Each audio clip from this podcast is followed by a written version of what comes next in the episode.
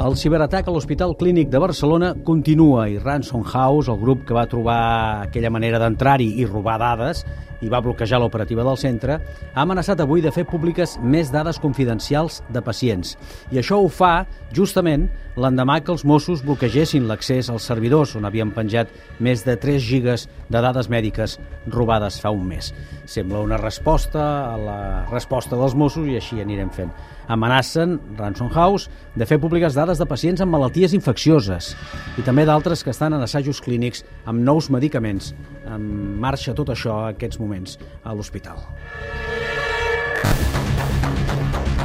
Victòria Vilaplana, bona nit. Bona nit. Deixa'm incorporar aquí a l'Albert Cuesta, que ja entendràs que d'això hi toca una mica. Albert, bona nit també. Bona nit, Victòria. Bona nit, Kilian. Ara et demanarem la, la teva impressió de com està anant tot. L'agència de ciberatac esperava aquesta amenaça, Victòria? Doncs sí, el seu director, Tomàs Roy, ha assegurat que és el seu modus operandi. Són declaracions a TV3. Que ells actuen així. És a dir, hem de pensar que no estem provocant en els cibercriminals. Els cibercriminals fan el que fan els cibercriminals intentar aconseguir diners pels, per al seu guany. De moment, l'únic que estan fent és tenir que posar-hi més recursos perquè se'ls està complicant la seva activitat. En aquest lloc web van arribar a penjar de forma pública, com deies, entre 3 i 4 gigas d'informació de pacients i treballadors de l'hospital. L'Hospital Clínic, que ja s'ha recuperat, diuen el 100% de la seva activitat, sempre ha dit que no negociarà amb ells, els hackers, demanen pel total de les dades compromeses 4.500 gigas, 4 milions i mig de dòlars.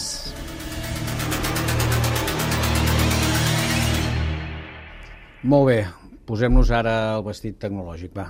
Eurecat, centre tecnològic de Catalunya. Innovant amb les empreses. Innovant amb tu. Albert, ets aquí encara, eh? Sí. Molt bé, va. Tu vas ser el primer que va informar amb un tuit de matinada eh, sobre aquestes amenaces de represàlies de Ransom House per haver-los tombar a la web on oferien les dades robades a l'Hospital Clínic. Pots afegir alguna cosa, això que ha anat explicant la Victòria? Aviam, uh, amb aquest món de la ciberdelinqüència costa treure l'aigua clara perquè el secretisme es combina amb la tecnologia i llavors els implicats es resisteixen a explicar allò que saben. I també et dic que hi ha gent que aprofita per donar-se importància fent veure que saben coses però que no te les poden explicar quan en realitat estan més perduts que tu. Això podria passar, sí. Això passa, ja t'ho dic jo ara. Uh, jo, per exemple, no sabia que es podia tombar una web de la xarxa Tor amb un atac per saturació. I, de fet, fins fa poc no es podia, però els responsables del projecte Tor m'han reconegut avui que fa gairebé 9 mesos que algunes pàgines de la seva xarxa estan funcionant més lentes o directament no responen, precisament perquè algú ha trobat la manera de saturar-les amb una denegació distribuïda de servei, que és el que volen dir les sigles DDoS. Uh, probablement els Mossos uh, han subcontractat l'atac amb aquest algú. L'atac a la web i, i el canal de Telegram on feien promoció de les dades robades.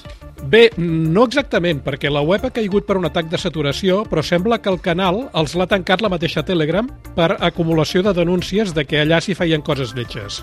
Eh, no és exactament igual, però el resultat eh, és el mateix. Tot i això, els delinqüents de Ransom House eh, continuen tenint un grup de xat, suposadament per premsa, on ara hi som 64 membres, i també hi pots, hi pots xatejar individualment, que és el que porto fent jo des de que van atacar el clínic i que és com em van comunicar aquesta matinada les amenaces. En aquest missatge que et van enviar i després van fer públic, Ransom House agraeix, jo no sé si hi ha un punt aquí de sornegueria, agraeix als Mossos sí. que els hagin tombat la web i amenacen en publicar més dades per un altre sistema. Tens alguna pista de quin podria ser? Uh, costa de dir, perquè també pot ser que estiguin presumint d'una cosa que no poden o que no saben fer. Allò que deies, però, eh? De, sí, allò de que deies, sí, sí. sí. Però sense aprofundir gaire, deixa'm especular una mica, i és que una de les alternatives possibles a la xarxa Tor és una vella coneguda nostra, dels catalans, perquè l'any 2017 es va fer servir precisament per esquivar la censura de l'Estat a les webs del referèndum de l'1 d'octubre. Sí? Es diu IPFS, que són les sigles en anglès de Sistema Interplanetari de Fitxers, i és una altra xarxa descentralitzada que podria servir per a aquestes coses lletges, tot i que no he trobat eh, fins ara cap altre cas de difusió de dades robades i tampoc tinc clar que sigui invulnerable.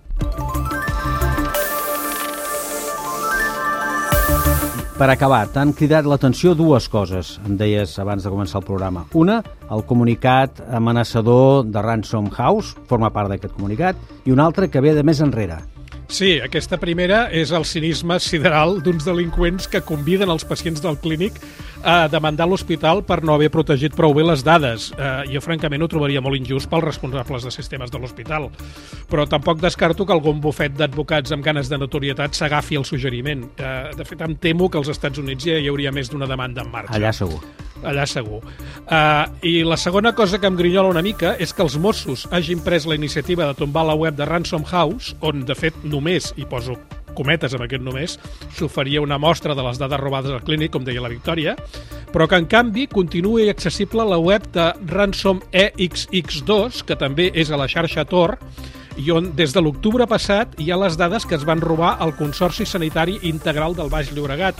I allà no hi ha una mostra, sinó totes, més de 52 gigabytes de documents interns i dades personals d'empleats i pacients que jo crec que també mereixerien ser protegides si és que un atac de denegació de servei serveix per protegir res a llarg termini. Un robatori de dades aquell que també van ser en aquest espai els primers a explicar-ho. Sí. A veure si la setmana que ve podem parlar de tecnologia més positiva. Tant de bo, Kilian. Que a vegades, a vegades també ve de gust. Escolta'm, Victòria, gràcies per cert. Gràcies a tu, Kilian, i a tu, Albert. Eh? Gràcies, Increïble. Albert. Vagi bé, bona Pasqua. Igual, igualment, fins dimarts.